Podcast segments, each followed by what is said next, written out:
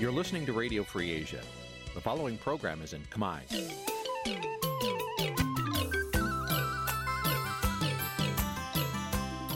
Nǐ chi càm bi tiệp xáy vệt chiu a zì sê នេះជាកម្មវិធីផ្សាយរបស់ Vithu Azisari ជាភាសាខ្មែរ វិទ្យុអាស៊ីសេរីសូមស្វាគមន៍លោកអ្នកនាងទាំងអស់ពីរដ្ឋធានី Washington នៃសហរដ្ឋអាមេរិក ពីរដ្ឋធានី Washington នាងខ្ញុំសុជីវីសូមជម្រាបសួរលោកអ្នកនាងអ្នកស្ដាប់ Vithu Azisari ទាំងអស់ជាទីមេត្រីយើងខ្ញុំសូមជូនការផ្សាយសម្រាប់ព្រឹកថ្ងៃច័ន្ទ11រោចខែស្រាបឆ្នាំថោះបัญចស័កពុរសករាជ2567ចាប់ដែលត្រូវនៅថ្ងៃទី11ខែកញ្ញាគ្រិស្តសករាជ2023ជាដំបូងនេះសូមអញ្ជើញលោកអ្នកនាង ស្ដាប់ព័ត៌មានប្រចាំថ្ងៃដែលមានមេត្តាដូចតទៅ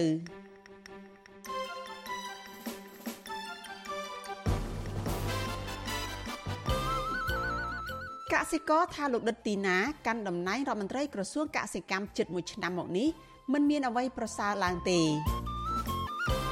ស្នងការនគរបាលខេត្តកំពង់ធំផ្អាកការងារមេប៉ុស្តិ៍ម្នាក់តែផ្ទេរទៅធ្វើការនៅទីរួមខេត្តរងចាំប័ណ្ណបញ្ជាថ្មី ក្រោយមានបញ្ជាពីលោកហ៊ុនម៉ាណែតអ្នកឃ្លាំមើលជំរុញឲ្យមានការកំណត់ច្បាស់លាស់ពីចំនួនទីប្រឹក្សានិងជំនួយការរដ្ឋាភិបាល ប្រវត្តិរបស់លោកសថេតមេប៉ូលីសថ្មីដែលចេញពីខ្សែលោកសខេងរួមនឹងព័ត៌មានសំខាន់សំខាន់មួយចំនួនទៀត។ចាជាបន្តទៅទៀតនេះនាងខ្ញុំសុជីវីសូមជូនព័ត៌មានទៅនេះពិស្ដាចលនានាងជាទីមេត្រីអ្នកខ្លាំមើលជំរុញរដ្ឋាភិបាលកំណត់ឲ្យបានច្បាស់លាស់នៅចំនួនទីប្រឹក្សានិងជំនួយការដែលជាតម្រូវការចាំបាច់នៅក្នុងការជួយដោះស្រាយបញ្ហារបស់ប្រជាពលរដ្ឋឲ្យបានពិតប្រាកដ ការជំរុញនេះធ្វើឡើងបន្ទាប់ពីចំនួនទីប្រឹក្សាជំនួយការសម្រាប់ក្រសួងនិងបុគ្គលសំខាន់សំខាន់ដែលជាមេដឹកនាំកើនឡើងដល់ប្រមាណ4000នាក់ហើយលិខិតតែងតាំងក៏នៅតែចេញជាបន្តបន្ទាប់ថែមទៀត។ចាលោកជីវតារាយការណ៍អំពីរឿងនេះអ្នកឃ្លាំមើលបញ្ហាសង្គមលើកឡើងថាការតែងតាំងទីប្រឹក្សាមិនកំណត់ពីចំនួននិងលក្ខណៈសម្បត្តិឲ្យបានច្បាស់លាស់គឺជាការបំផ្លាញលុយជាតិ ហើយធ្វើឲ្យរាំងស្ទះដល់ដំណើរការដោះស្រាយបញ្ហាពលរដ្ឋនិងប្រទេសជាតិអ្នកសិក្សាវិទ្យាសាស្ត្រនយោបាយលោកជ្រីបូរ៉ាយល់ឃើញថា ការតែងតាំងទីប្រឹក្សានិងជំនួយការរដ្ឋាភិបាលធ្វើឡើងច្រើនលើសលប់ដោយមិនបានកំណត់ពីតួនាទីដែលត្រូវបំពេញឲ្យបានច្បាស់លាស់ទេ លោកបន្តថាបញ្ហាបិទរោងចក្រកម្មករបាត់បង់ការងារបំណុលកើនឡើង ទំនិញឡើងថ្លៃជាដើម គឺมันមានមន្ត្រីឬទីប្រឹក្សាណាមួយចេញមុខដោះស្រាយនៅឡើយទេលោកជ្រីបូរ៉ាបន្តថាបើមេដឹកនាំដែលអះអាងថាសុទ្ធតែជាអ្នកមានសមត្ថភាពរៀនសូត្របានខ្ពង់ខ្ពស់នោះគឺពួកគេត្រូវបំពេញការងារដោយខ្លួនឯងហើយអាចជ្រើសរើសជំនួយការឬទីប្រឹក្សាតិចតួចបំផុតក្នុងករណីចាំបាច់យើងអាចធ្វើនៅពេលក្រោយបានបើសិនបើពិតជាមានតម្រូវការមែនជាជាងដែលយើងតែងតាំងទៅហើយ ច្រើនលើសលប់ប៉ុន្តែតម្រូវការក្នុងការដោះស្រាយបញ្ហាអីផ្សេងផ្សេងហ្នឹងវាមិនសមាមាត្រទៅនឹងចំនួនដែលបានតែងតាំងហ្នឹងចំណែកអ្នកសិក្សាកិច្ចការសង្គមនិងនយោបាយលោកប៉ៅមករាវិញ មានប្រសាសន៍ថា សម័យទំនើបនេះថ្នាក់ដឹកនាំងាយដឹងពីបញ្ហារបស់ប្រជាពលរដ្ឋតាមបណ្ដាញទំនាក់ទំនងសង្គមឬបច្ចេកវិទ្យាផ្សេងផ្សេងទៀតដោយមិនចាំបាច់មានទីប្រឹក្សា ឬជំនួយការច្រើននោះទេ លោកប៉ៅមករាបន្តថាការតែងតាំងទីប្រឹក្សានិងជំនួយការដោយបច្ចុប្បន្ននេះធ្វើឲ្យខាតបង់លុយជាតិផង និងផ្ដល់ឱកាសឲ្យបុគ្គលមួយចំនួនយកតួនាទីនេះទៅកាងមុខរបររបស់ពួកគេទៅវិញទេណាយើងយកច្រើនពេកទៅវាខាត់ថវិកាជាតិច្រើនមួយទៀតយើងតែងតាំងទីប្រឹក្សានឹងច្រើនទៅវាធ្វើឲ្យមនុស្សមួយចំនួនខូចមនុស្សមួយចំនួនដែលมันមានការបំរើ ផលប្រយោជន៍ជាតិស្មោះត្រង់ហ្នឹងគឺគាត់យកអាទូនទីតំណែងទៅកាងអាងយ៉ាងយកទៅរកស៊ីខុសច្បាប់រំលោភសិទ្ធិមនុស្សកេងប្រវ័ញ្ចពីពលរដ្ឋហ្នឹងគឺអាងអាងទូនទីហ្នឹងដើម្បីរំលោភបំពានលើពលរដ្ឋសាមញ្ញពលរដ្ឋដែលស្លូតត្រង់ហ្នឹងណារីឯអ្នកសិក្សាផ្នែកច្បាប់លោកវ៉ូនចាន់ឡូតវិញ សង្កេតឃើញថា ទីប្រឹក្សាមួយចំនួន មានចែងពីទូនាទីទទួលខុសត្រូវប៉ុន្តែទីប្រឹក្សាមួយចំនួនទៀតលោកចាត់ទុកថាជាតំណែងខ្យល់ មិនបានជួយការងារអ្វីទេលោកវ៉ុនចាន់ឡូតអះអាងថាបុគ្គលមួយចំនួនដែលជាប់ពាក់ព័ន្ធការរំលោភច្បាប់និងសិទ្ធិមនុស្សក៏ទទួលបានទូនាទីជាទីប្រឹក្សាដែរបាទតកែ Nagavel តែយើងឃើញថាកំពុងតែមានរឿងពាក់ព័ន្ធទៅនឹងកោតកោដែលមានការប្រឈប់ការរំលោភមិនមានការដោះស្រាយជាដើមហ្នឹងក៏ឃើញមានការតែងតាំងជាទីប្រឹក្សារបស់រដ្ឋាភិបាល តើការតែងតាំងនេះ ក្នុងគោលបំណងអីពីព្រោះអ្នកនោះគឺកំពុងតែជាប់វាក់វិនទៅនឹងការរំលោភបំពានសិទ្ធិមនុស្សណាបាទអតីតតំណាងរាជគណៈបកសង្គ្រោះជាតិលោកអ៊ុំសំអានឲ្យដឹងថាក្រុមការងារលោកកំពុងស្រង់តួលេខទីប្រឹក្សានិងជំនួយការហើយលទ្ធផលបឋមរកឃើញថាមានប្រមាណ4000នាក់លោកអ៊ុំសំអានអះអាងថា ចំនួនជាក់ស្ដែងអាចច្រើនជាងនេះ ព្រោះនេះលោកទៅបដកស្រង់បានជាង10ក្រសួងនិងស្ថាប័នតែប៉ុណ្ណោះចំណែកអ្នកវិភាគបញ្ហាសង្គមជើងចាស់លោកបណ្ឌិតឡៅម៉ុងហៃវិញយល់ឃើញថាការតែងតាំងទីប្រឹក្សានិងជំនួយការនេះមិនចាំបាច់តតែសោះបើមន្ត្រីក្របខ័ណ្ឌមានជំនាញនិងសមត្ថភាពអនុវត្តគោលនយោបាយរបស់ក្រសួងប្រកបដោយប្រសិទ្ធភាពនោះវិទ្យុអាស៊ីសេរីមិនអាចតាក់ទងแนะនាំពាក្យរដ្ឋាភិបាលលោកប៉ែនបូណា ដើម្បីសុំការបំភ្លឺជុំវិញបញ្ហានេះបានទេ នៅថ្ងៃទី10កញ្ញាក្រោយពីមានការរិះគន់ច្រើន ពីការតែងតាំងជំនួយការនិងទីប្រឹក្សានេះកាលពីថ្ងៃទី1កញ្ញាលោកនាយករដ្ឋមន្ត្រីហ៊ុនម៉ាណែត បានព្រមានដកតំណែងក្របខ័ណ្ឌរដ្ឋពីមន្ត្រីរាជការស៊ីវិលមន្ត្រីនគរបាលនិងយោធិនជាដើម ដែលទទួលតំណែងជាទីប្រឹក្សាឬជំនួយការរួចហើយទោះជាយ៉ាងណា រហូតមកដល់ថ្ងៃទី10កញ្ញា គេមិនទាន់ឃើញមានការដកតំណែងមន្ត្រីណាមួយនៅឡើយទេ ផ្ទុយទៅវិញ ការតែងតាំងនៅតែបន្តកើតមាន សម្រាប់លោកនាយករដ្ឋមន្ត្រីហ៊ុនម៉ាណែតតែម្នាក់ឯងមានទីប្រឹក្សានិងជំនួយការរហូតដល់ជិត200នាក់ខ្ញុំជីវិតាអាស៊ីសេរីលោកនាងកញ្ញាជាទីមេត្រីប្រជាកសិករនៅតាមបណ្ដាខេត្តមួយចំនួនអះអាងថារដ្ឋមន្ត្រីក្រសួងកសិកម្មលោកដិតទីណា កាន់តំណែងជិត1ឆ្នាំមកនេះ មិនបានធ្វើឲ្យស្ថានភាពពួកគាត់ល្អប្រសើរទេ កាលពីចុងឆ្នាំ2022រដ្ឋមន្ត្រីរូបនេះបដិញ្ញាក្រោយពេលឡើងកាន់តំណែងថាលោកនឹងធ្វើឲ្យថ្លៃដើមនៅក្នុងវិស័យកសិកម្មចុះទាបហើយកសិករទទួលបានផលចំណេញច្រើននិងមានជីវភាពធូរធារចាសសូមអញ្ជើញលោកអ្នកនាងរងចាំស្ដាប់សេចក្តីរាយការណ៍នេះពិស្ដានៅក្នុងការផ្សាយរបស់យើងនៅពេលបន្តិចទៀតនេះ។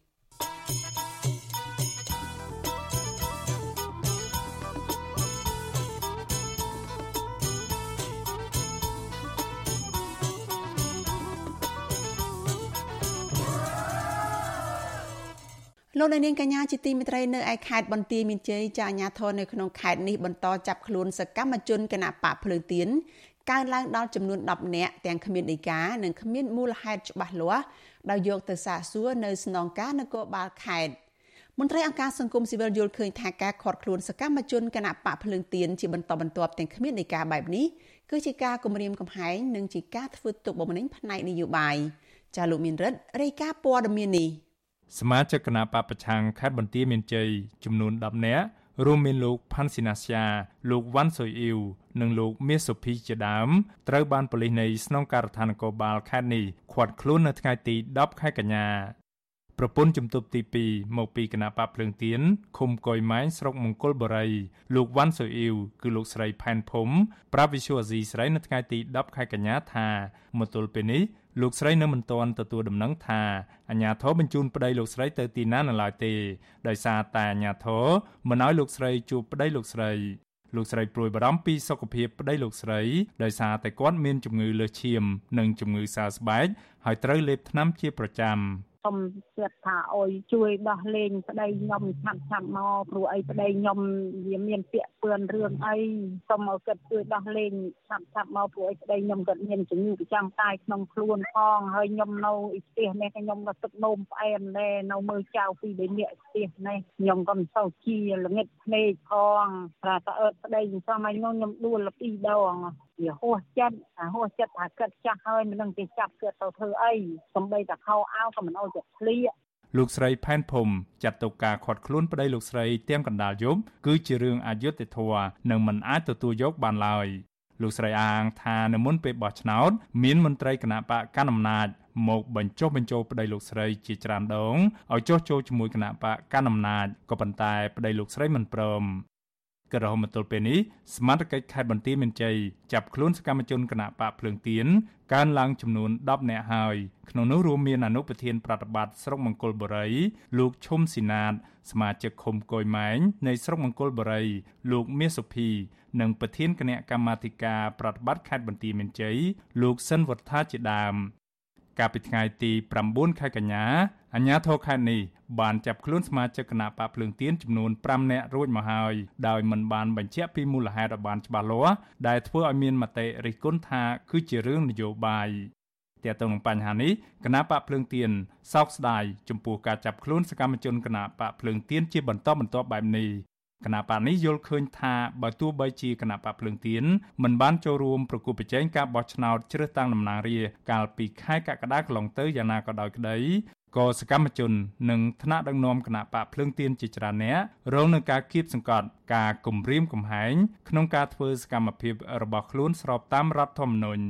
គណៈបកភ្លើងទៀនអំពាវនាវឲ្យអាជ្ញាធរដោះលែងសកម្មជនគណៈបកភ្លើងទៀនទាំងអស់ឲ្យមានសេរីភាពឡើងវិញដើម្បីអាចឲ្យពួកគាត់ជួបជុំក្រុមគ្រួសារ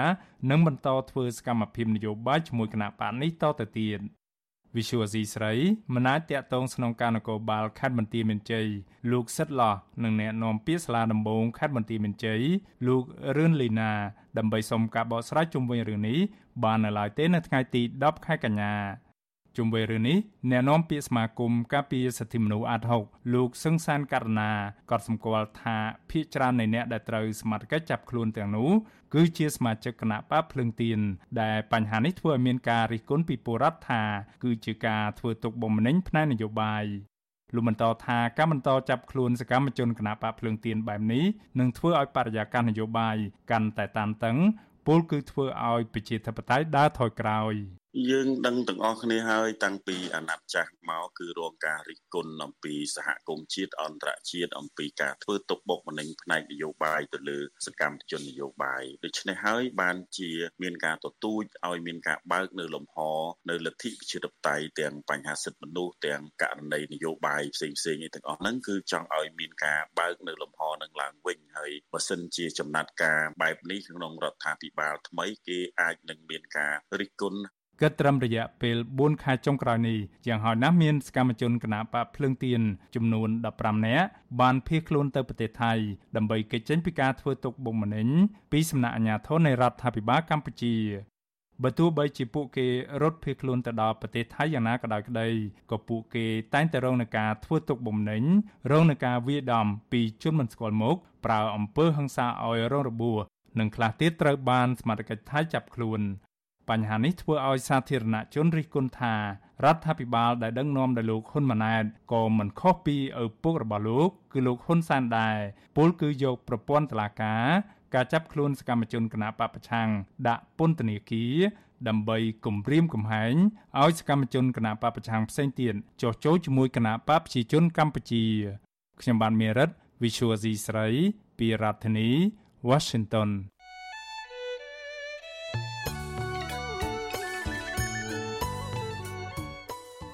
លោកនាងកញ្ញាជាទីមេត្រីចានៅក្នុងឱកាសនេះដែរនាងខ្ញុំសូមថ្លែងអំណរគុណដល់លោកនាងកញ្ញាទាំងអស់ដែលតែងតែមានភក្ដីភាពចំពោះការផ្សាយរបស់យើងហើយចាត់ទុកការស្ដាប់វិទ្យុអាស៊ីសេរីគឺជាផ្នែកមួយនៃសកម្មភាពប្រចាំថ្ងៃរបស់លោកអ្នកនាងចាការគ្រប់គ្រងរបស់លោកអ្នកនាងនេះហើយដែលធ្វើឲ្យយើងខ្ញុំមានទឹកចិត្តកាន់តែខ្លាំងថែមទៀតក្នុងការស្វែងរកនិងផ្តល់ព័ត៌មានពិតជូនលោកអ្នកនាងចាំមានអ្នកស្ដាប់មានអ្នកទស្សនាកាន់តែច្រើន កាន់តែធ្វើឲ្យយើងខ្ញុំមានភាពស្វាហាប់និងមោះមុតជាបន្តទៅទៀតយើងខ្ញុំសូមអរគុណទុកជាមុនហើយសូមអញ្ជើញលោកអ្នកនាងកញ្ញាទាំងអស់ចូលរួមជំរុញឲ្យសកម្មភាពផ្តល់ព័ត៌មានរបស់យើងនេះកាន់តែជោគជ័យបន្ថែមទៀតចាលោកអ្នកនាងកញ្ញាអាចជួយយើងខ្ញុំបានដោយគ្រាន់តែចុចចែករំលែកឬក៏ share ការផ្សាយរបស់យើងនៅលើបណ្ដាញសង្គម Facebook និង YouTube ទៅកាន់មិត្តភ័ក្តិរបស់លោកអ្នកនាងចាដើម្បីឲ្យការផ្សាយរបស់យើងនេះបានទៅដល់មនុស្សកាន់តែច្រើនចាសសូមអរគុណ លោកនាងកញ្ញាជាទីមិត្តរីចាសកម្មជនគណៈបកជំទាស់និងអ្នកសិក្សាស្រាវជ្រាវការអភិវឌ្ឍសង្គមលើកឡើងថាបទបញ្ជារបស់លោកយមត្រីហ៊ុនម៉ាណែតឲ្យស្រាវជ្រាវករណីតែងតាំងមេប៉ុស្តិ៍ម្នាក់នៅខេត្តកំពង់ធំនោះគឺគ្រាន់តែជាការបង្ហាញការដោះស្រាយរឿងតូចតាចមួយដើម្បីបិទបាំងរឿងធំធំផ្សេងទៀតជាច្រើនតែប៉ុណ្ណោះការលើកឡើងរបស់ពួកគាត់បែបនេះគឺបន្ទាប់ពីលោកហ៊ុនម៉ាណែតចេញបញ្ជាតាម Facebook ឲ្យស្រាវជ្រាវ និងកែសម្រួលការតែងតាំងមេប៉ុស្តិ៍ម្នាក់នៅខេត្តកំពង់ធំប្រសិនបើរកឃើញថាបុគ្គលនោះពិតជាមានប្រវត្តិប្រព្រឹត្តបទឧក្រិដ្ឋចាលោកថាថៃរាយការណ៍ព័ត៌មាននេះជូនលោកអ្នកនាងដូចតទៅសកម្មជនបកជំទាស់និងអ្នកសិក្សាស្រាវជ្រាវគ្រប់គ្រងចំពោះបទបញ្ជាឲ្យត្រួតពិនិត្យនិងវិដំឡៃឲ្យបានច្បាស់លាស់នៅការតែងតាំងមន្ត្រីរាជការនីមួយៗប៉ុន្តែมันគួរធ្វើចំពោះតែមន្ត្រីរាជការថ្នាក់មូលដ្ឋានតូចតាចឡើយពលគឺត្រូវតែអនុវត្តវិធានការនេះតាំងពីលើដល់ក្រោមតែម្ដង តំណាងយុវជនគណៈបកសង្គ្រោះជាតិនៅប្រទេសកូរ៉េខាងត្បូងលោកម៉ាត់វ៉ានីថ្លែងថាករណីលោកហ៊ុនម៉ាណែតប្រើអំណាចលោកដៃចេញបញ្ជាតាម Facebook ឲ្យដកឬដាក់នរណាម្នាក់ចេញពីទូនាទីដូចជាករណីតែងតាំងមេប៉ុស្តិ៍ម្នាក់នៅខេត្តកំពង់ធំនោះគឺបង្ហាញថាលោកកំពុងដឹកនាំតាមបែបប្រមូលផ្ដុំអំណាចតែម្នាក់ឯងដោយឪពុករបស់លោកដែរលើសពីនេះលោកម៉ាត់វ៉ានីគ្មានជំនឿថាលោកហ៊ុនម៉ាណែតអាចកែតម្រង់មុខងាររដ្ឋបាលសាធារណៈបានទេ ព្រោះការតែងតាំងឋានៈដឹកនាំកម្ពុជាកម្ពុជានៃរដ្ឋាភិបាលនិងការតែងតាំងមន្ត្រីនយោបាយសំពីងសំពងតាមក្រសួងនានាបានคล้ายជាគំរូអាក្រក់រួចទៅហើយសម្រាប់ការជ្រើសរើសនិងការតែងតាំងមន្ត្រីនៅថ្នាក់ក្រោមជាតិបើគាត់ចង់ធ្វើកំណែតម្រង់រដ្ឋបាលសាធារណៈទាំងមន្ត្រីស៊ីវិលមន្ត្រីបដិបត្តិនេះខ្ញុំគិតថាមិនមែនរឿងតូចទេ ពីព្រោះអប្រព័ន្ធនៃការចាត់តាំងនឹងវាបានស៊ីដល់ឬគល់ហើយយ៉ាងទៀតបើសិនជាគាត់មានចេតនាសុចរិតមែនណាមន្ត្រីច្រើនណាដែលឡើងទៅតាមខ្សែឡើងទៅតាមឪពុកដែលអត់មានឆ្លងកាត់ការប្រឡងប្រកួតប្រជែងចូលមន្ត្រីក្របខ័ណ្ឌមែនទែនបើសិនជាគាត់ចង់ជីកឬជីកគល់នឹងវាទាល់តែគណៈបកប្រជាជនទាំងមូលនឹងរំលាយរដ្ឋាភិបាលនឹងតែម្ដងហើយរៀបចំសារឡើងវិញទើបអាចធានាបាននៅសុខភាពក៏ដូចជាស្របទៅតាមច្បាប់ស្តីពីសារលក្ខន្តិកៈមន្ត្រីរាជការបាទ ប្រតិកម្មនេះគឺបន្ទាប់ពីលោកហ៊ុនម៉ាណែតនៅព្រឹកថ្ងៃទី10ខែកញ្ញាបានបញ្ជាឲ្យអគ្គស្នងការនគរបាលជាតិលោកសថេតសហការជាមួយស្នងការនគរបាលខេត្តកំពង់ធំលោកម៉ែនលីស្រាវជ្រាវជាបន្ទាន់លើករណីតែងតាំងបុគ្គលម្នាក់ធ្វើជាមេប៉ោះនៅឃុំសំប្រូចស្រុកស្ទងខេត្តកំពង់ធំ ការចេញបញ្ជាបែបនេះ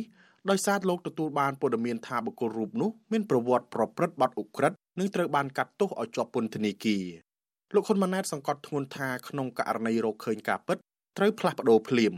មិនតែប៉ុណ្ណោះលោកហ៊ុនម៉ាណែតក៏ប្រកាសឲ្យមានការត្រួតពិនិត្យនិងវិតម្លៃនៅបុគ្គលិកលក្ខណៈរបស់បុគ្គលនីមួយៗឲ្យបានម៉ត់ចត់មុននឹងធ្វើការតែងតាំងនៅតាមស្ថាប័នរដ្ឋទាំងស៊ីវិលនិងកងកម្លាំងប្រដាប់អាវុធទាំងថ្នាក់ជាតិនិងថ្នាក់ក្រោមជាតិជុំវិញរឿងនេះវិទ្យុអាស៊ីសេរីមិនអាចសុំការឆ្លើយតបបន្ថែមពីអគ្គស្នងការនគរបាលជាតិលោកសតថេតបានទេដោយទូរស័ព្ទចូលពុំមានអ្នកទទួល អ្នកស្រាវជ្រាវនិងអ្នកប្រឹក្សាយោបល់ផ្នែកអភិវឌ្ឍផ្នត់គំនិតលោកសេសុជាតិលើកឡើងថាករណីលោកហ៊ុនម៉ាណែតបញ្ជាឲ្យស្រាវជ្រាវករណីតែងតាំងមេប៉ុស្តិ៍ម្នាក់នៅខេត្តកំពង់ធំដែលមានប្រវត្តិមិនល្អនោះទំនងជាការសាក់លបងប្រតិពលរបស់លោកក៏ប៉ុន្តែលោកយល់ថាលោកហ៊ុនម៉ាណែតមិនគូផ្ដោតទៅរឿងតូចមួយនេះទេ លោកគូតែបញ្ជាឲ្យស៊ើបអង្កេតឲ្យបានទូលំទូលាយនិងដូចភ្លៀងរលឹមជាពិសេសទៅលើបុគ្គលមួយចំនួនដែលមានគេឈ្មោះអាស្រូវរឿងពុករលួយនិងរំលោភសិទ្ធិមនុស្សហើយត្រូវបានតែងតាំងជាមន្ត្រីធំធំ ក្នុងនាមជាមេដឹកនាំមិនមែនយករឿងតូចមួយទៅធ្វើជាប្រធានបទនៅក្នុងការធ្វើសេចក្តីសម្រេចចិត្តដោយមិនឆ្លោះបញ្ចាំងចំពោះបញ្ហាធំធំដែលកំពុងតែប្រឈមនេះទេហើយ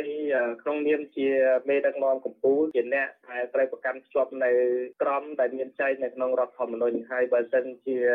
រដ្ឋធម្មនុញ្ញប្រឆាំងជាមួយនឹងជនដែលរំលោភបំពានទៅលើសិទ្ធិមនុស្សជាធិបតេយ្យនិងប្រជាពលរដ្ឋកម្ពុជាអ្នកនោះហើយគឺជាសត្រូវរបស់កម្ពុជាដែលមេដឹកនាំកម្ពុជាត្រូវតែចាត់វិធានការឲ្យបានមើងម៉ាត់ដើម្បីទប់ស្កាត់មិនមែនជាការលើកទឹកចិត្តឬក៏សំកើងនៅអធិបុលរបស់ជនដែលប្រឆាំងជាមួយនឹងប្រជាពលរដ្ឋជាម្ចាស់អំណាចម្ចាស់ប្រទេសនោះទេបាទទន្ទឹមនឹងលោកហ៊ុនម៉ាណែតបញ្ជាឲ្យស៊ើបអង្កេតលើការតែងតាំងមេប៉ុស្តិ៍នោះនាយករដ្ឋមន្ត្រីថ្មីរូបនេះ ក៏រងការរិះគន់ច្រើនដែរពាក់ព័ន្ធនឹងការបង្កើតរដ្ឋាភិបាលក្បាលធំក្រសួងនីមួយៗមានរដ្ឋលេខាធិការអនុរដ្ឋលេខាធិការនិងមានទីប្រឹក្សារាប់រយនាក់ការតែងតាំងមន្ត្រីនយោបាយសំពីងសំពងបែបនេះដោយសារលោកហ៊ុនម៉ាណែតខ្លាចបែកបាក់ផ្ទៃក្នុងគណៈបកប្រជាជនកម្ពុជាពលគឺមិនមែនដើម្បីផលប្រយោជន៍ជាតិនិងប្រជាជននោះឡើយលើសពីនេះមន្ត្រីនឹងទីប្រឹក្សាជាច្រើនអ្នកដែលលោកហ៊ុនម៉ាណែតតែងតាំងឲ្យនៅក្បែរខ្លួនលោកនោះ ក៏មានបុគ្គលមួយចំនួនមានកេរ្តិ៍ឈ្មោះអាក្រក់ទាំងក្នុងប្រទេសនិងល្បីនៅលើឆាកអន្តរជាតិទៀតផងអ្នកទាំងនោះដូចជាថៅកែក្រុមហ៊ុន Nagawer លោកតាន់ស្រីល្បីរឿងរំលោភសិទ្ធិកម្មករនិងឧបនាយករដ្ឋមន្ត្រីលោកណេតសាវឿនដែលត្រូវជាបងថ្លៃជាដូនមួយរបស់លោកហ៊ុនម៉ាណែតត្រូវបានអង្គការឃ្លាំមើលសិទ្ធិមនុស្សអន្តរជាតិ Human Rights Watch បានរកឃើញថាជាអ្នកដំសនីម្នាក់មានប្រវត្តិអាក្រក់ខាងការធ្វើទរណកម្មអ្នកទោសនិងការរៀបចំជាប្រព័ន្ធដើម្បីឲ្យមានអំពើហិង្សាផ្នែកនយោបាយដូច្នេះហើយ អ្នករិះគន់គ្មានជំនឿថាលោកហ៊ុនម៉ាណែតមានឆន្ទៈពិតប្រាកដក្នុងការជ្រើសរើសមន្ត្រីរាជការដែលស្អាតស្អំនៅថ្នាក់ក្រោមបានច្រើននោះឡើយដោយសារលោកហ៊ុនម៉ាណែតខ្លួនឯងបានតែងតាំងមន្ត្រីនៅខាងលើមានបញ្ហារួចទៅហើយនោះខ្ញុំថាថៃពីទីក្រុងមែលប៊នលោកអ្នកនាងកញ្ញាជាទីមេត្រីចាតតងនឹងបញ្ជាពីលោកហ៊ុនម៉ាណែតនេះ ស្នងការនគរបាលខេត្តកំពង់ធំកាលពីយប់ថ្ងៃទី10ខែកញ្ញាម្សិលមិញនេះសម្រាប់ផ្អាកការងារនាយប៉ុស្តិ៍នគរបាលឃុំសំប្រូចស្រុកស្ទូងគឺលោកហុងសារ៉ុំជាបណ្ដោះអាសន្នដោយសំអាងហេតុផលថា មេប៉ុស្តិ៍រូបនេះកំពុងជាប់ពាក់ព័ន្ធសំណុំរឿងនៅតុលាការលិខិតផ្អាកការងារនេះចេញដោយស្នងការនគរបាលខេត្តកំពង់ធំលោកម៉ែនលីលិខិតដដែលឲ្យដឹងទៀតថានាយប៉ុស្តិ៍នគរបាលរដ្ឋបាលឃុំសំប្រូចស្រុកស្ទូងលោកហុងសារ៉ុំ ត្រូវទៅបម្រើការងារនៅស្នងការនគរបាលខេត្តកំពង់ធំរហូតដល់មានការសម្រេចសារជាថ្មី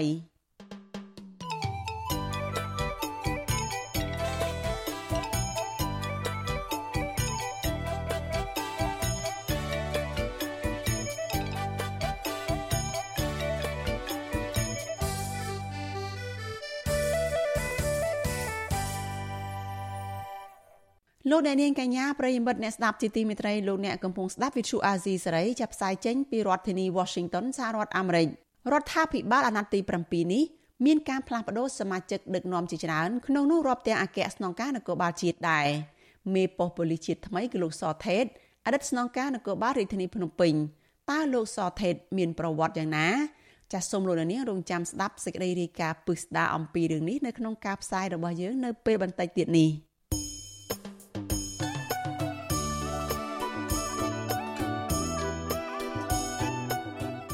លោកអ្នកនាងជាទីមេត្រីដំណើរគ្នានឹងស្ដាប់ការផ្សាយវិទ្យុអាស៊ីសេរីតាមបណ្ដាញសង្គម Facebook YouTube និង Telegram លោកអ្នកនាងក៏អាចស្ដាប់ការផ្សាយរបស់វិទ្យុអាស៊ីសេរីតាមរយៈរលកធាតុអាកាសខ្លីឬ Shortwave តាមកម្រិតនិងកម្ពស់ដូចតទៅនេះពេលព្រឹកចាប់ពីម៉ោង5កន្លះដល់ម៉ោង6កន្លះតាមរយៈ post SW 12.14 MHz ស្មើនឹងកម្ពស់ 25m និង post SW 13.71 MHz ស្មើនឹងកម្ពស់ 22m ពេលយប់ចាប់ពីម៉ោង7កន្លះដល់ម៉ោង8កន្លះតាមរយៈ post SW 9.33 MHz ស្មើនឹងកម្ពស់ 32m post SW 11.88 MHz ស្មើនឹងកម្ពស់ 25m និង post SW 12.14 MHz ស្មើនឹងកម្ពស់ 25m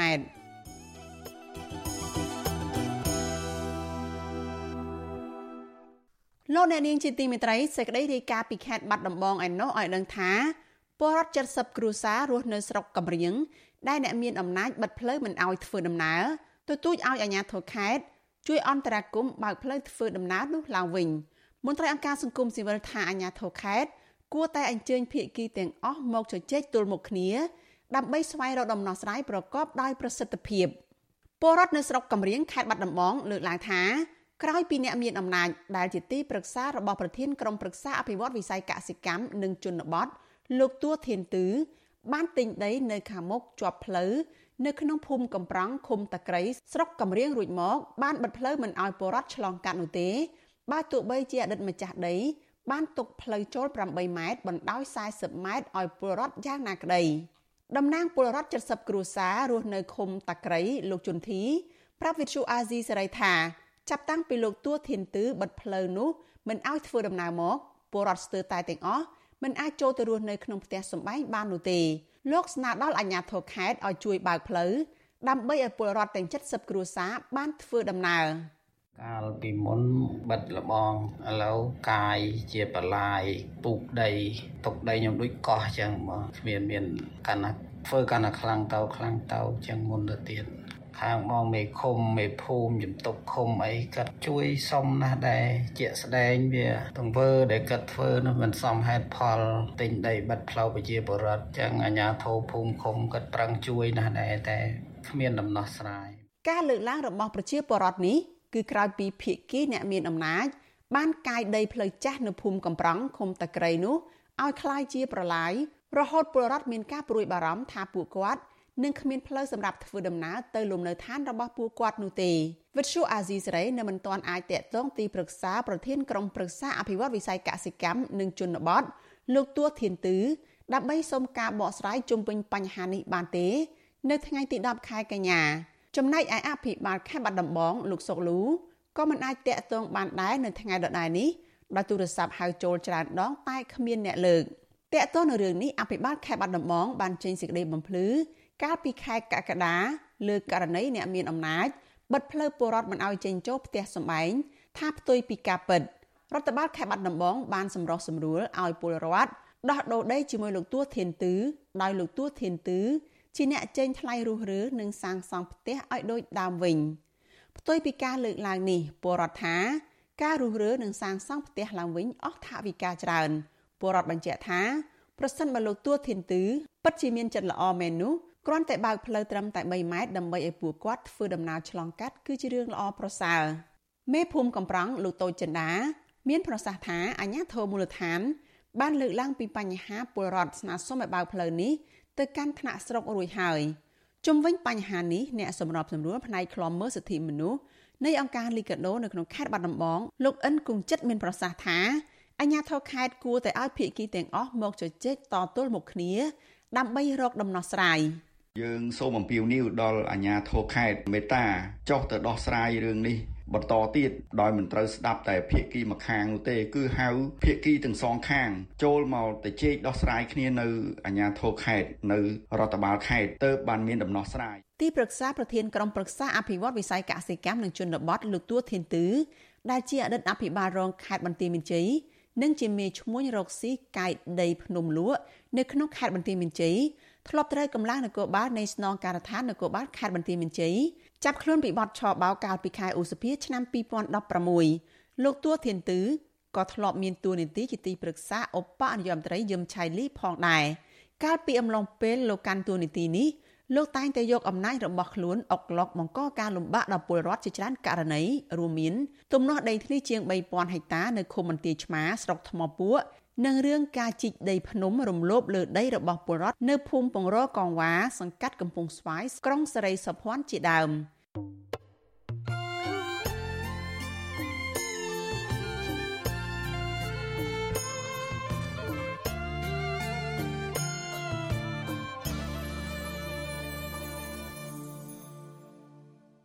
លោកអ្នកនាងជាទីមេត្រីសេចក្តីរាយការណ៍ពីខេត្តព្រះវិហារឯនោះឲ្យដឹងថាប្រជាពលរដ្ឋមួយចំនួនដែលកំពុងរស់នៅស្រុករវៀងខេត្តព្រះវិហារនេះ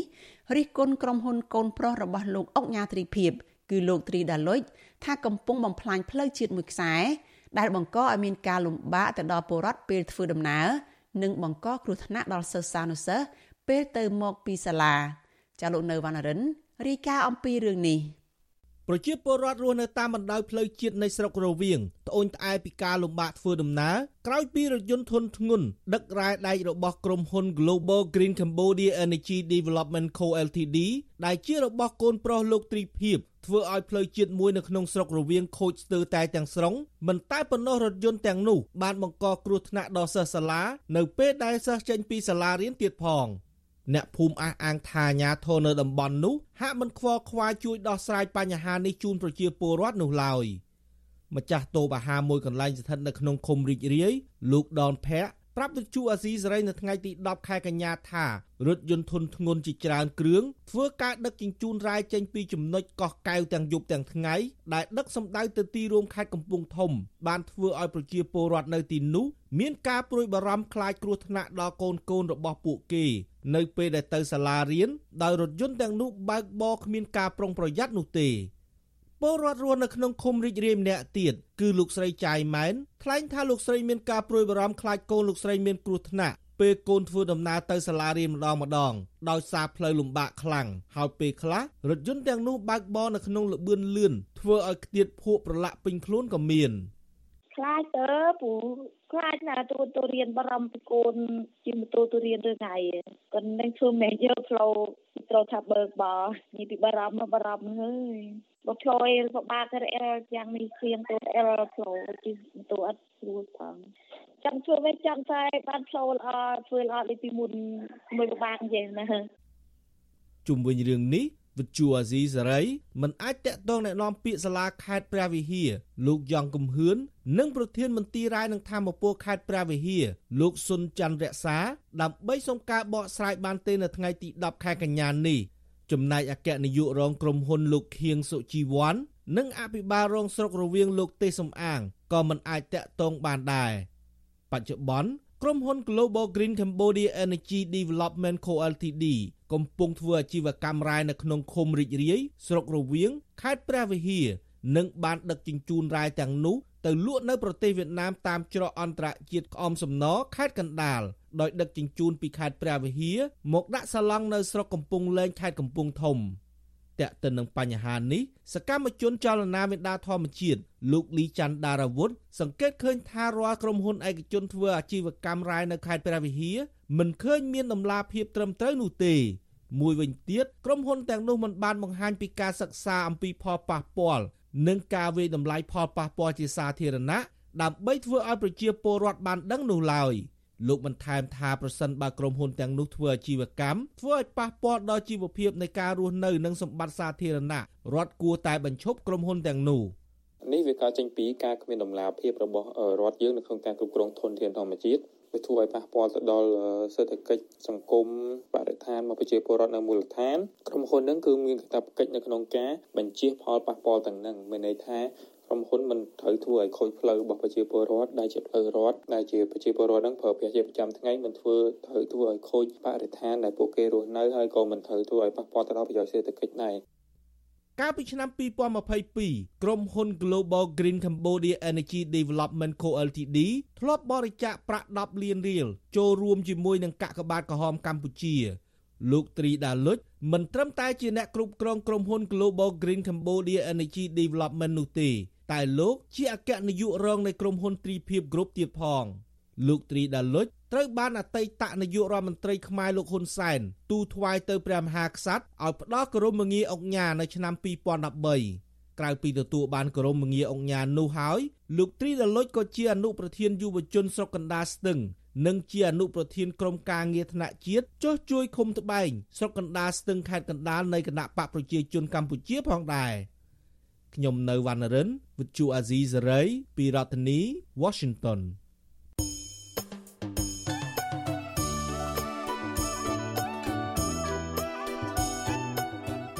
លោកអ្នកនាងជាទីមេត្រីដំណើរគ្នានឹងស្ដាប់ការផ្សាយវិទ្យុអាស៊ីសេរីតាមបណ្ដាញសង្គម Facebook YouTube និង Telegram លោកអ្នកនាងក៏អាចស្ដាប់ការផ្សាយរបស់វិទ្យុអាស៊ីសេរីតាមរយៈរលកធាតុអាកាសខ្លីឬ Shortwave តាមកម្រិតនិងកម្ពស់ដូចតទៅនេះ ពេលព្រឹកចាប់ពីម៉ោង5កន្លះដល់ម៉ោង6កន្លះតាមរយៈ post SW 12.14 MHz ស្មើនឹងកម្ពស់ 25m និង post SW 13.71 MHz ស្មើនឹងកម្ពស់ 22m ពេលយប់ចាប់ពីម៉ោង7កន្លះដល់ម៉ោង8កន្លះតាមរយៈ post SW 9.33 MHz ស្មើនឹងកម្ពស់ 32m post SW 11.88 MHz ស្មើនឹងកម្ពស់ 25m និង post SW 12.14 MHz ស្មើនឹងកម្ពស់ 25m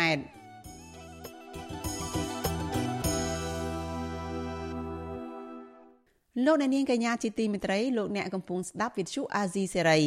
ចាប្រជាកសិករនៅតាមខេត្តមួយចំនួនអះអាងថារដ្ឋមន្ត្រីក្រសួងកសិកម្មលោកដិតទីណា កាន់តំណែងជិត1ឆ្នាំមកនេះមិនបានធ្វើឲ្យស្ថានភាពរបស់ពួកគាត់បានល្អប្រសើរឡើងទេ កាលពីចុងឆ្នាំ2022រដ្ឋមន្ត្រីកសិកម្មរូបនេះបដិញ្ញាក្រោយពេលឡើងកាន់តំណែងថាលោកនឹងធ្វើឲ្យថ្លៃដើមកសិកម្មចុះទាបហើយកសិករទទួលបានផលចំណេញច្រើននិងមានជីវភាពធូរធារចាលោកមានរិទ្ធមានសេចក្តីរាយការណ៍មួយទៀតអំពីរឿងនេះជូនលោកអ្នកនាង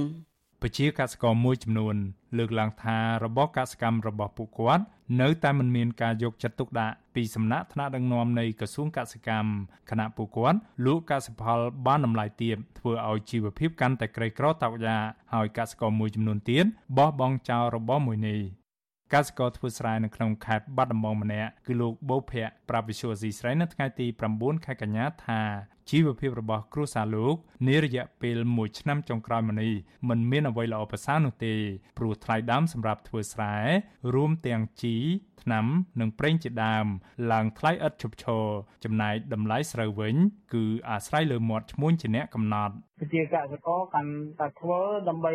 ចំណេញដល់ពេលមិនចំណេញណាបងមួយឆ្នាំជាពាក្យគេមួយឆ្នាំឆ្នាំពាក្យគេមួយឆ្នាំហូរដោយសារអីជីប្រេងវាថ្លៃដល់ពេលគាត់ធ្វើទៅគឺឃើញថាវាបានតម្លៃថ្លៃដោយខាងរដ្ឋាភិបាលថាអញ្ចឹងដល់ពេលរាល់ថ្ងៃហ្នឹងវាអត់មានអញ្ចឹងឡើងបានប្រហែល10ថ្ងៃចុះវិញចុះលក្ខណៈតែចុះមិនមែនទឹកស្រកទេបងចុះលក្ខណៈទឹកវហូរពីអាងពេលអញ្ចឹងពិបាកបង កន្លងទៅរដ្ឋមន្ត្រីក្រសួងកសិកម្មលោកដិតទីណាធ្លាប់លើកឡើងថាបញ្ហាតម្លៃស្រូវទាបនាំឲ្យកសិករតវ៉ានៅខេត្តបន្ទាយមានជ័យនិងខេត្តបាត់ដំបងកាលពីចុងឆ្នាំ2022នោះគឺដោយសារតែកសិករសម្រុកប្រមូលផលក្នុងពេលតែមួយ ក៏ប៉ុន្តែសម្រាប់លោកបូភ័ក្រលោកចាត់ទុកសម្ដីរបស់រដ្ឋមន្ត្រីកសិកម្មរូបនេះថាមិនយល់ពីស្ថានភាពស្រូវដែលលោកថាស្រូវអាយុកាល3ខែបើវាទុំហើយมันអាចទុកនៅក្នុងស្រែបានយូរនោះទេលោកដិតទីណាឡើងកាន់តំណែងជារដ្ឋមន្ត្រីក្រសួងកសិកម្មកាលពីខែតុលាឆ្នាំ2022ក្រោយពេលលោកហ៊ុនសែនដកលោកវែងសខុនជារដ្ឋមន្ត្រីចាស់ចេញ ក្រោយចូលកាន់តំណែង លោកដិតទីណាថ្លែងថាលោកបានដឹងពីទុកលំបាករបស់ប្រជាកសិករដែលខាតបង់លើរបរកសិកម្មលោកថាយុទ្ធសាស្ត្ររបស់លោកមិនធ្វើឲ្យកសិផលឡើងថ្លៃនោះទេ គឺធ្វើឲ្យថ្លៃដើមនៃការផលិតចុះថោកដែលកសិករនឹងទទួលបានផលចំណេញហើយមានជីវភាពធូរធារហើយចំណេញនឹងវាយ៉ាងម៉េចឥឡូវបើយើងចំណាយ10យើងបានចំណូល11យើងចំណេញតែមួយឯងប៉ុន្តែខ្ញុំសួរមួយទៀតថា អ្នកខ្លះគេរកចំណូលបានតែ5ឯងប៉ុន្តែចំណាយគេអស់តែមួយជាងគេចំណេញបានគេចំណេញដល់4ណោះចឹងអ្វីដែលខ្ញុំកំពុងគិតទៅថ្ងៃមុខដែលជាគោលនយោបាយកសិកម្មនេះគឺមិនមែនការជំរុញឲ្យឡើងថ្លៃហើយកសិផលហើយបកកការលំបាកទៅមនុស្សជាច្រើនទៀតដែលត្រូវការហូបចុកនៅកសិផលរបស់យើងឯងមែនទេ ទោះជាយ៉ាងណាក្រោយការថ្លែងរបស់លោកដិតទីណារួចមកគឺចាប់ពីចុងឆ្នាំ2022ថ្លៃដើមនៃការធ្វើកសិកម្មកើនឡើងគ្រប់មុខរួមមាន G1B ពី100000រៀលទៅ200,000រៀលថ្នាំកសិកម្មពីមួយឈុត200,000រៀលទៅជាង400,000រៀលរីឯប្រេងសាំងវិញ គឺពី1លីត្រ4,000រៀលទៅ5,000រៀលជាដើម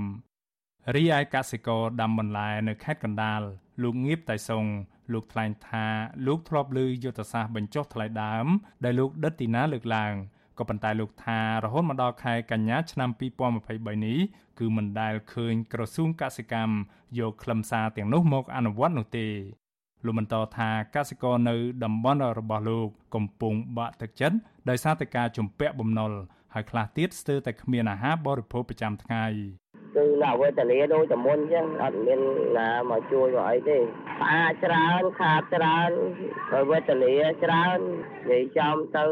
និយាយលែងចេញហ្មងហេអើយតែថាដាច់បាយនិយាយពាក្យអីខ្លីយ៉ាងហ្មងទៅអស់ព្រោះបំណុលវិញលិចលងដល់ក្បាលព្រោះបំណុលវិញ ចំណែកឯតំណាងសហគមន៍កសិករសាមគ្គីរមាហែកនៅក្នុងខេត្តស្វាយរៀងលោកស្រីខៀវសរុនឲ្យដឹងថាប្រជាសហគមន៍របស់លោកស្រី ដែលធ្វើស្រែនិងដាំដំណាំផ្សេងៗនៅតែព្រួយបារម្ភពីតម្លៃប្រែប្រួល ទៅតាមការកំណត់របស់ឈ្មួញលោកស្រីក៏សម្គាល់ថារយៈពេលជិត1ឆ្នាំដែលរដ្ឋមន្ត្រីកសិកម្មរូបនេះឡើងកាន់តំណែងរួចមកវិស័យកសិកម្មនៅក្នុងសហគមន៍របស់លោកស្រីមិនមានអ្វីល្អប្រសើរជាងមុននោះទេ បាញ់ទេមែនតែនទៅអត់ដឹងថានៅជួខាងលើគេគេធ្វើអីខ្លះទេប៉ុន្តែបើបើនៅដូចនៅជនបទដូចពួកខ្ញុំដូចជាអត់មានសកម្មភាពអីប្រែប្រួលទេគ្រូដូចដដែលទេឲ្យវាជឿនលឿនជាងមុនវាអត់មានណាគ្រូដូចវានៅដដែលហ្នឹងក្រសួងសេដ្ឋកិច្ចនិងហិរញ្ញវត្ថុបានចេញផ្សាយរបាយការណ៍មួយកាលពីខែមករា ដោយព្យាករណ៍ថាវិស័យសំខាន់សំខាន់ចំនួន3ជួយទ្រទ្រង់សេដ្ឋកិច្ចកម្ពុជានៅឆ្នាំ2023នេះក្នុងនោះរួមមានវិស័យឧស្សាហកម្មសេវាកម្មនិងវិស័យកសិកម្មក៏ប៉ុន្តែប្រជាកសិករត្អូញត្អែថានៅពេលដាំដុះមិនមានមន្ត្រីជំនាញជួយបង្រៀនបច្ចេកទេសថ្លៃដើមខ្ពស់បានផលលក់ថោកធ្វើឲ្យពួកគាត់ខាតបង់ជាប់បំណុលធ្ងន់ធ្ងរហើយកសិករមួយចំនួនបោះបង់ចោលរបរកសិកម្ម នាំគ្នាធ្វើចំណាក់ស្រុកទៅរកការងារធ្វើនៅក្រៅប្រទេសប្រធានកម្មវិធីប្រឆាំងការជួញដូរមនុស្សនិងទេសន្តប្រវេសនៃអង្គការសង្ត្រាល់លោកឌីថេហូយ៉ាមានប្រសាសន៍ថាពលរដ្ឋខ្មែរប្រមាណ2លាន5សែននាក់កំពុងធ្វើការនៅប្រទេសថៃ ជាកម្មករសំណង់កម្មករក្នុងវិស័យកសិកម្មកម្មករលើទូកនេសាទនិងកម្មករនៅតាមផ្ទះនៅប្រទេសម៉ាឡេស៊ីលោកថាពួកគេស្ទើរតែទាំងអស់ គឺជាអ្នកបោះបង់ចោលរបរកសិកម្មនៅក្នុងប្រទេសកម្ពុជាលួចដឹងទៀតថាពលរដ្ឋខ្មែរទាំងនោះភ ieck ច្រើនជំពាក់បំណុលហើយកំពុងធ្វើការនៅក្រៅប្រទេសប្រឈមនឹងគ្រោះថ្នាក់និងការកេងប្រវ័ញ្ចច្រើនរូបភាពលោកដិតទីណា មានវ័យ42ឆ្នាំ គឺជារដ្ឋមន្ត្រីវ័យក្មេងម្នាក់នៅក្នុងចំណោមរដ្ឋមន្ត្រីផ្សេងទៀតនៃរដ្ឋាភិបាលអាណត្តិទី7របស់លោកហ៊ុនម៉ាណែតប្រវត្តិសិក្សារបស់លោក គឺលោកបានបញ្ចប់ថ្នាក់បរិញ្ញាបត្រវិស្វកររ៉ែនិងបញ្ចប់ថ្នាក់បរិញ្ញាបត្រជាន់ខ្ពស់ផ្នែករូបវិទ្យាពីប្រទេសបារាំងលោកដិតទីណាទទួលបានតំណែងជារដ្ឋមន្ត្រីក្រសួងកសិកម្មនេះមានទម្រង់ដូចជារដ្ឋមន្ត្រីផ្សេងទៀតដែរគឺមិនមែនផ្អែកលើសមត្ថភាពឬស្នាដៃការងារនោះទេគឺជាការឡើងតាមខ្សែស្លាយបពុះដោយឪពុករបស់លោក គឺលោកដិតមន្ទី គឺជាអតីតប្រធានតឡាការកម្ពុជានិងជាសមាជិកគណៈអចិន្ត្រៃយ៍នៃគណៈបកប្រជាជនកម្ពុជាវិសុវស៊ីស្រីមិនអាចតតងរដ្ឋមន្ត្រីក្រសួងកសិកម្មលោកដិតទីណានិងអ្នកនាំពាក្យនៃក្រសួងនេះគឺអ្នកនាងអឹមរចនាដើម្បីសាកសួរជុំវិញបញ្ហានេះបាននៅឡើយទេនៅថ្ងៃទី10ខែកញ្ញា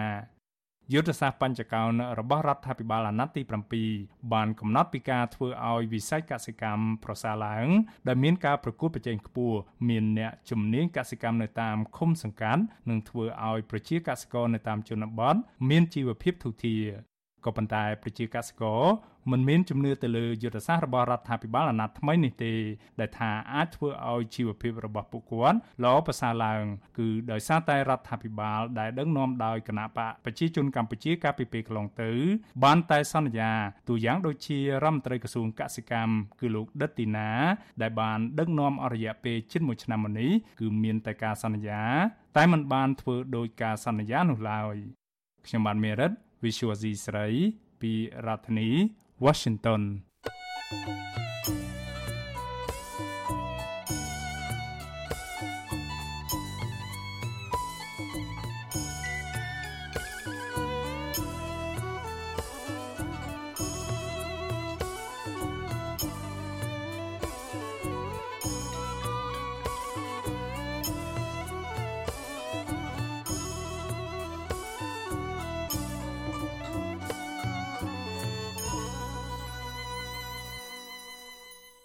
លោកអ្នកនាងកញ្ញាជាទីមេត្រីចាំមកស្ដាប់ប្រវត្តិសង្ខេបរបស់មេប៉ុស្តិ៍ប៉ូលីសថ្មីដែលចេញពីខ្សែលោកសខេងវិញម្ដងចារដ្ឋាភិបាលអាណត្តិទី7នេះមានការផ្លាស់ប្តូរសមាជិកភាពដឹកនាំជាច្រើនក្នុងនោះក៏រួមទាំងអគ្គស្នងការនគរបាលជាតិដែរមេប៉ូលីសជាតិថ្មីគឺលោកសថេត ជាអតីតស្នងការនគរបាលរាជធានីភ្នំពេញ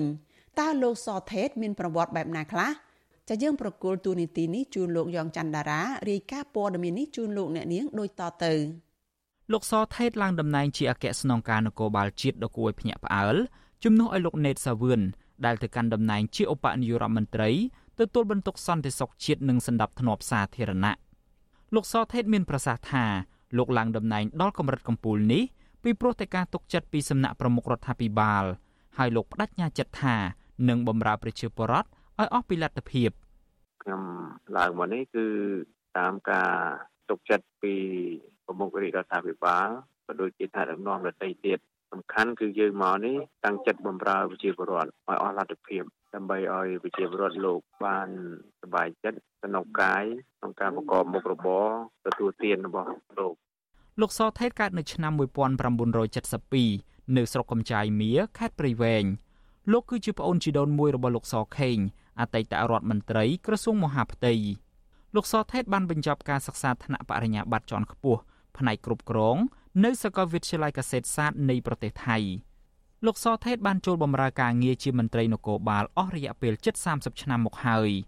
លោកបានឡើងតួនាទីនឹងឋានន្តរស័ក្តិជាបន្តបន្ទាប់មានជាអាចអនុប្រធាននាយកដ្ឋានប្រឆាំងបទល្មើសសេដ្ឋកិច្ចស្នងការនគរបាលខេត្តបាត់ដំបង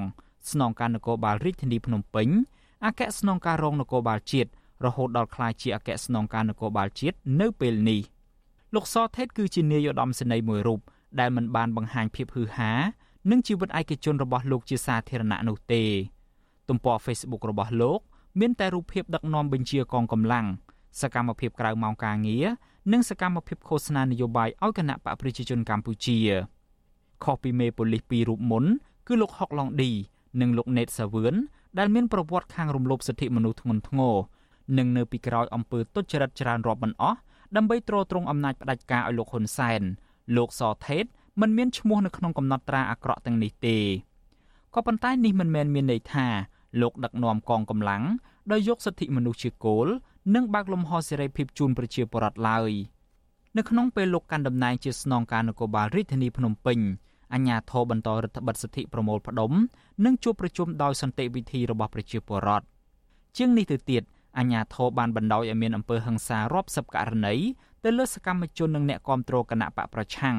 ដោយអញ្ញាធរមិនបានអើពើវែកមុខចាប់ជនដៃដល់យកមកដាក់ទោសតាមច្បាប់ឡើយរីឯការចាប់ចងសកម្មជននយោបាយសកម្មជនសង្គមនិងប្រជាពលរដ្ឋវិញករណីជាច្រើនសមត្ថកិច្ចនគរបាលធ្វើឡើងដោយបំពាននីតិវិធីដូចជាការចាប់ខ្លួនដោយមិនមានដីកាឬមិនបានពន្យល់ប្រាប់ជនសង្ស័យអំពីសិទ្ធិរបស់ពួកគេ និងការឃុំជនសង្ស័យលើសធរៈវេលាកំណត់ដោយច្បាប់ជាដើមម្យ៉ាងវិញទៀតនៅពេលលោកកាន់តំណែងជាស្នងការនគរបាលខេត្តបាត់ដំបងប្រជាពលរដ្ឋនិងមន្ត្រីរាជការមួយចំនួន បានរិះគន់លោកថា បានបង្កើតប្រព័ន្ធបកពួកនិយម នៅក្នុងជួរនគរបាលក្នុងខេត្តនេះក្រុមអ្នកសង្កេតការវិតម្លៃថាការតែងតាំងលោកសថេត ជាអគ្គស្នងការនគរបាលជាតិនៅពេលនេះមិនមែនជារឿងសមត្ថភាពដឹកនាំជាចម្បងនោះទេ ក៏ប៉ុន្តែគឺជារឿងបែងចែកកូតាដឹកនាំនៅក្នុងជួរនៃគណៈបកប្រជាជនកម្ពុជាអតីតតំណាងរាជគណៈបកសង្គ្រោះជាតិលោកអ៊ុំសំអាន មានប្រសាសន៍ថាលោកសថេតត្រូវបានតែងតាំងជាមេប៉ូលីសគឺដើម្បីជួយជ្រោមជ្រែងលោកសសុខានៅក្នុងការពង្រឹងអំណាចដឹកនាំក្នុងក្រសួងមហាផ្ទៃលោកសាធិតគាត់ជាប្អូនជាដូនមួយរបស់លោកសខេងអញ្ចឹងនៅពេលដែលលោកសសខាឡើងជារដ្ឋមន្ត្រីក្រសួងមហាផ្ទៃត្រូវយកខ្សែរបស់គាត់យកម្ដងដូច្នេះ ត្រូវយកលោកសាធិតមកដាក់ជាមេប៉ូលីសជាតិហ្នឹងដើម្បីឲ្យគាត់ទុកចិត្តថាជាខ្សែស្រឡាយរបស់គាត់ជាគ្នារបស់គាត់ណាដើម្បីគាត់ពង្រឹងអំណាចនៅក្នុងក្រសួងមហាផ្ទៃហ្នឹងកូតារបស់លោកសខេងបានចាក់គ្រឹះយ៉ាងមាំនៅក្នុងក្រសួងមហាផ្ទៃក្រោយលោកកាន់តំណែងជារដ្ឋមន្ត្រីក្រសួងមួយនេះអស់រយៈពេលប្រមាណ30ឆ្នាំក្នុងពេលដែលកូនប្រុសរបស់លោកគឺលោកសសុខាឡើងតំណែងជារដ្ឋមន្ត្រីក្រសួងមហាផ្ទៃបន្តពីលោកនោះកូនប្រុសម្នាក់ទៀតរបស់លោកសខេង គឺលោកសរដ្ឋាត្រូវបានតែងតាំងជាអគ្គស្នងការរងនគរបាលជាតិនិងជាស្នងការនគរបាលខេត្តប្រស័យហនុលោកសថេតដែលជាអគ្គស្នងការថ្មីនៃនគរបាលជាតិនេះក៏ជាសមាជិកជាន់ខ្ពស់មួយរូបនៃគណៈបកប្រជាជនកម្ពុជារបស់លោកហ៊ុនសែនដែរលោកគឺជាសមាជិកគណៈកម្មាធិការកណ្ដាលនិងមិនដែលលាក់លៀមនោះទេ នៅក្នុងការបង្ហាញជំហរនិងសកម្មភាពនយោបាយរបស់លោកជាសាធារណៈ លោកសថេតបានដាក់អធិភាពដោះស្រាយបញ្ហារ៉ាំរ៉ៃមួយចំនួន ដែលបន្សល់ទុកពីអ្នកដឹកនាំមុនមុនមានជាអាច បញ្ហាគ្រឿងញៀនគ្រោះថ្នាក់ចរាចរណ៍ការជួញដូរមនុស្សនិងបញ្ហាអសន្តិសុខសង្គមខណៈបញ្ហាសិទ្ធិសេរីភាពរបស់ប្រជាពលរដ្ឋវិញមិនមែនជាអតិភិបរបស់លោកឡើយផ្ទុយទៅវិញលោកបានប្រមានទុកជាមុនរួចហើយថានឹងទប់ស្កាត់ឲ្យបាន នៅអ្វីមួយដែលរដ្ឋាភិបាលនិយមហៅថាជាបដិវត្តពណ៌ នៅណាក៏ដោយដែលប៉ុនប៉ងព្រោះរំលំរដ្ឋាភិបាលប្រតិបត្តិដែលចេញពីឆន្ទៈរាអានឹងគឺវាខុសច្បាប់ដូច្នេះយើងជាកងកម្លាំងជាឧបករណ៍របស់រដ្ឋយើងត្រូវការពារគេមិនទាន់ដឹងថាតើក្រោមការដឹកនាំរបស់លោកសថេតស្ថានភាពសិទ្ធិសេរីភាពរបស់ប្រជាពលរដ្ឋនឹងទៅជាយ៉ាងណានោះទេដោយសារតែលោកទៅទៅចូលកាន់តំណែងថ្មីថ្មីនេះក៏ប៉ុន្តែអ្នកសង្កេតការមួយចំនួនវិតម្លៃថាលោកសថេត ទំនងជាមិនអាចកែប្រែស្ថានភាពរដ្ឋបတ်សេរីភាពរបស់ប្រជាពលរដ្ឋបាននោះទេ ពីព្រោះតែលោកគឺជាមន្ត្រីជាន់ខ្ពស់គណៈបកប្រជាជនកម្ពុជា ដែលត្រូវតែស្ដាប់បង្គាប់លោកហ៊ុនសែននិងលោកហ៊ុនម៉ាណែតចំណែកបញ្ហាអតិភិបដូចជាគ្រឿងញៀននិងការជួញដូរមនុស្សនោះវិញទាំងនេះគឺជាវិញ្ញាសាដ៏លំបាកសម្រាប់លោកសថេតពីព្រោះតែបញ្ហាទាំងនេះសុទ្ធសឹងតែជាប់ពាក់ព័ន្ធនឹងអំពើពុករលួយ ដែលទ្រទ្រង់ដោយរដ្ឋាភិបាលដឹកនាំដោយគណៈបកប្រជាជនកម្ពុជា ទោះជាយ៉ាងណាក៏ដោយចុះអ្នកខ្លំមើលនយោបាយកម្ពុជា លើកឡើងថារាល់មន្ត្រីរាជការគួរតែប្រើប្រាស់ទួនាទីនិងមនសិការរបស់ខ្លួនប្រកបដោយសេចក្តីក្លាហានដើម្បីប្រយោជន៍រួមនៃប្រជាជាតិរបស់ខ្លួន ស្របទៅតាមការសន្យាបើមិនដូច្នេះទេ គួរតែលាឈប់ឬកុំទទួលយកមុខតំណែងនេះតាំងតែពីដំបូងមកខ្ញុំយ៉ងច័ន្ទដារាវិទ្យុអាស៊ីសេរី Washington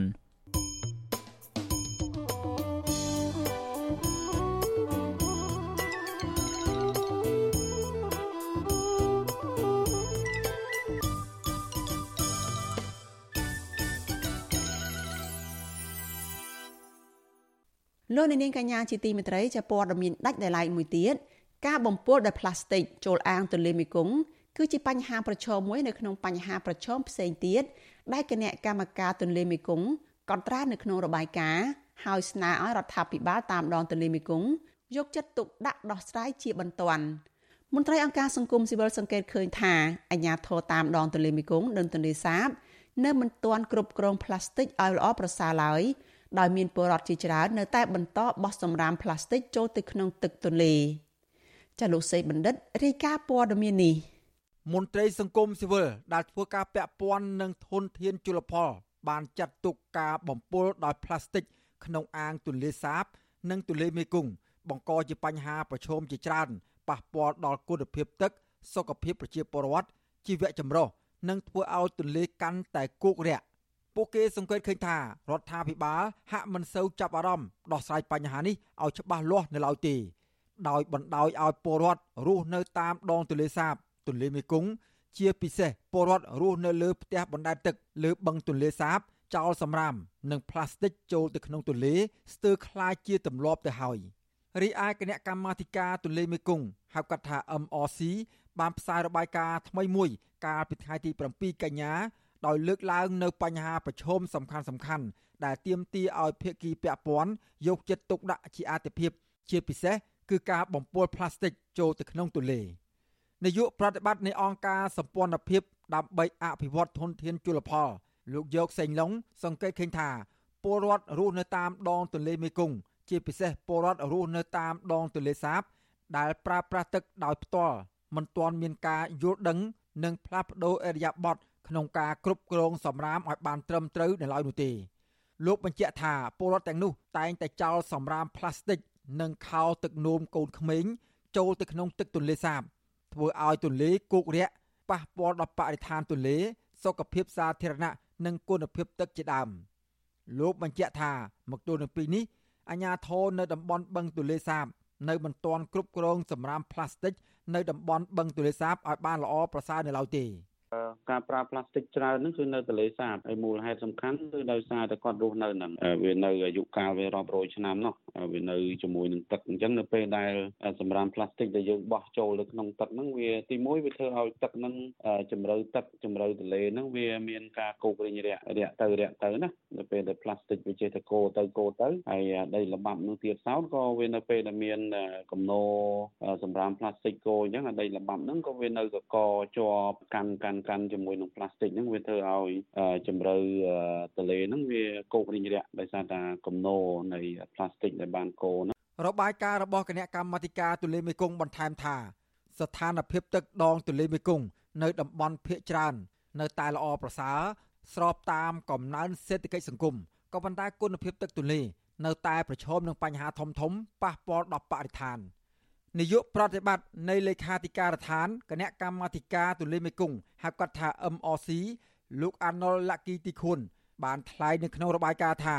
មានបញ្ហាប្រឈមនៅក្នុងអាងទូលេមេគង្គរួមមាន ការផ្លាស់ប្ដូរលំហូរដីល្បាប់ ការជ្រៀតចូលនៃទឹកប្រៃការបំពុលផ្លាស្ទិក ទឹកជំនន់និងគ្រោះរាំងស្ងួតកាន់តែធ្ងន់ធ្ងរឡើង ដោយសារតែការប្រែប្រួលអាកាសធាតុលោកបញ្ជាក់ថាបញ្ហាប្រឈមទាំងនេះគឺជាផលប៉ះពាល់ឆ្លងដែន ដែលទាមទារឲ្យរដ្ឋាភិបាលនៅជាប់ដងទន្លេមេគង្គបន្តកិច្ចសហប្រតិបត្តិការដោះស្រាយរឿងនេះដោយការចែករំលែកទិន្នន័យការចរចា ការសម្របសម្រួល និងការបើកចំហព័ត៌មាន ចំពោះដៃគូក្នុងតំបន់និងអន្តរជាតិជាដើមចំណែកលោកយកសេងឡុងក៏បានឲ្យដឹងបន្ថែមទៀតដែរថាពលរដ្ឋរស់នៅលើផ្ទះបណ្ដែតទឹកនៃផ្ទៃបឹងទន្លេសាបក្នុងខេត្តចំនួន6ដែលជាអ្នកប្រើប្រាស់ទឹកដោយផ្ទាល់តែងតែចោលសម្រាមផ្លាស្ទិក និងសម្រាមផ្សេងផ្សេងទៀតចូលទៅក្នុងផ្ទៃបឹងទន្លេសាបធ្វើឲ្យទឹកទន្លេកាន់តែរីងរាក់និងមានសម្រាមខ្លះហូរចាក់ចូលអាងទន្លេមេគង្គឆ្ពោះទៅសមុទ្រលោកបញ្ជាក់ថាការចោលសម្រាមចូលទៅក្នុងទឹកបឹងទន្លេសាបធ្ងន់ធ្ងរជាងនៅទន្លេមេគង្គ ដោយសារតែគូប្រាំងគូភាសាដែលប្រជាពលរដ្ឋគាត់រស់នៅលើទឹកពីផ្ទះបណ្ដែតទឹកហ្នឹងគឺគាត់បោះគាត់ចោលសម្រាមផ្លាស្ទិកដរិចដរិចផ្ទាល់ផ្ទាល់ទៅចូលលើក្នុងទឹកណាពេលដែលវាមិនទាន់មានកំណត់ព្រួយផ្ដើមមិនទាន់មានគម្រោងជួយគ្រប់គ្រងច្រើនទៅលើការកែលម្អសម្រាមផ្លាស្ទិកជាពិសេសនៅបឹងទន្លេសាបដែលគាត់រស់នៅអាស្រ័យជាមួយនឹងទឹកផ្ទាល់ហ្នឹងគឺគាត់មិនទាន់មានការយល់ដឹងហើយក៏មិនទាន់មានការផ្លាស់ប្ដូរអេយ៉ាប័តឬក៏ទម្លាប់នៃការរស់នៅរបស់គាត់ណា វិទ្យុអាស៊ីសេរីនៅពុំទាន់អាចតតងសុំការបំភ្លឺអំពីរឿងនេះពីប្រធានគណៈកម្មាធិការទូលេមេគង្គជាតិកម្ពុជា លោកតែនអាវុធបាននៅឡើយទេ កាលពីថ្ងៃទី8ខែកញ្ញាចំណែករដ្ឋមន្ត្រីក្រសួងបរិស្ថានលោកអៀងសផល្លែតនិងប្រធានអង្គភិបអ្នកណែនាំពាក្យរដ្ឋាភិបាលលោកប៉ែនបូណាក៏មិនទាន់អាចតាក់ទងបានដែរនៅថ្ងៃដដែលនេះដោយទូរស័ព្ទចូលច្រើនដង តែពុំមានអ្នកទទួលជុំវិញរឿងនេះដែរពលរដ្ឋរស់នៅតំបន់បឹងទន្លេសាបខេត្តសៀមរាប លោកសៅមុធី សង្កេតឃើញថាពលរដ្ឋរស់នៅលើផ្ទះបណ្ដែតទឹកក្នុងតំបន់បឹងទន្លេសាបនៃខេត្តសៀមរាបភ ieck ច្រើនជាជនជាតិវៀតណាម ដែលប្រកបមុខរបរនេសាទត្រី ហើយពួកគេ តែងតែចោលសម្រាម បន្ទោសបងចូលទៅក្នុងទឹកទន្លេជាច្រើនឆ្នាំមកហើយលោកថាអាញាធរហាក់មិនទាន់ចាប់អារម្មណ៍ដោះស្រាយលើបញ្ហានេះនៅឡើយទេជាពិសេសគឺជាប្រជាជនរបស់វៀតណាមគឺគាត់មិនទៅ ចេះខ្វាយខ្វល់ពីបរិស្ថានអីជាមួយនឹងប្រជាពលរដ្ឋខ្មែររបស់យើងទេមានន័យថាបោះសម្រាមចោលពីពេញទន្លេហើយនៅសម្រាប់ខ្ញុំឲ្យអាជ្ញាធរគាត់ដោះស្រាយជាមួយនឹងប្រជាពលរដ្ឋមានន័យថាគាត់ចង់ទៅបង្ហាត់បង្រៀនបញ្យលណែនាំពីផ្នែកអនាម័យផ្សេងៗពីការបោះបោះសម្រាមចោលហើយមានផលប៉ះពាល់អីខ្លះដល់មនុស្សហើយដល់សត្វរស់នៅក្នុងទឹកក្រៅពីការបំពុលដោយផ្លាស្ទិកគណៈកម្មាធិការទន្លេមេគង្គ MRC បានបង្ហាញពីផែនការយុទ្ធសាស្ត្រឆ្នាំ2021ដល់ឆ្នាំ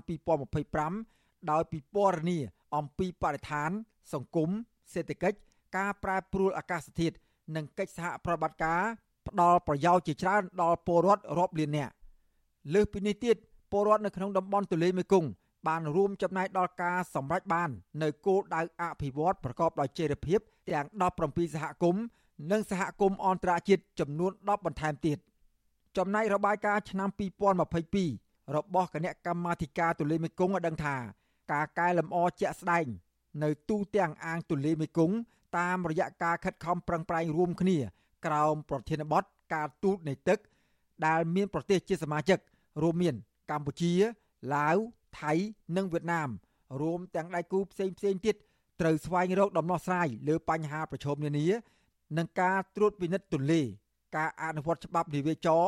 និងកសាងហេដ្ឋារចនាសម្ព័ន្ធធារាសាស្ត្រជាដើមខ្ញុំបាទសេកបណ្ឌិតវុទ្ធុអាស៊ីសេរីពីរដ្ឋធានីវ៉ាស៊ីនតោន thank you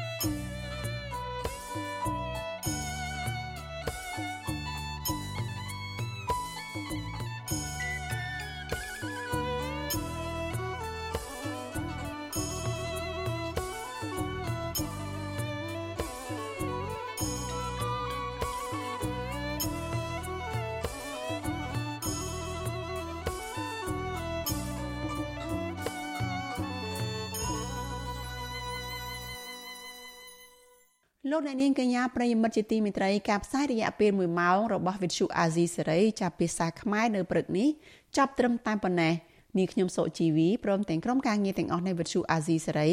ចាសសូមអរគុណដល់លោកអ្នកនាងចាសដែលតែងតែតាមដានការផ្សាយរបស់យើងជារៀងរាល់ថ្ងៃហើយថែមទាំងបានចែករំលែកការផ្សាយរបស់យើងនេះទៅកាន់មិត្តភ័ក្តិរបស់លោកអ្នកនាងថែមទៀតចាសយើងខ្ញុំសូមជូនពរដល់លោកអ្នកនាងកញ្ញានិងក្រុមគ្រួសារទាំងអស់ចាសសូមប្រកបតែនឹងសេចក្តីសុខសុភមង្គលនិងសុខភាពល្អកុំបីឃ្លៀងឃ្លាតឡើយចាសនាងខ្ញុំសូមអរគុណនិងសូមជម្រាបលា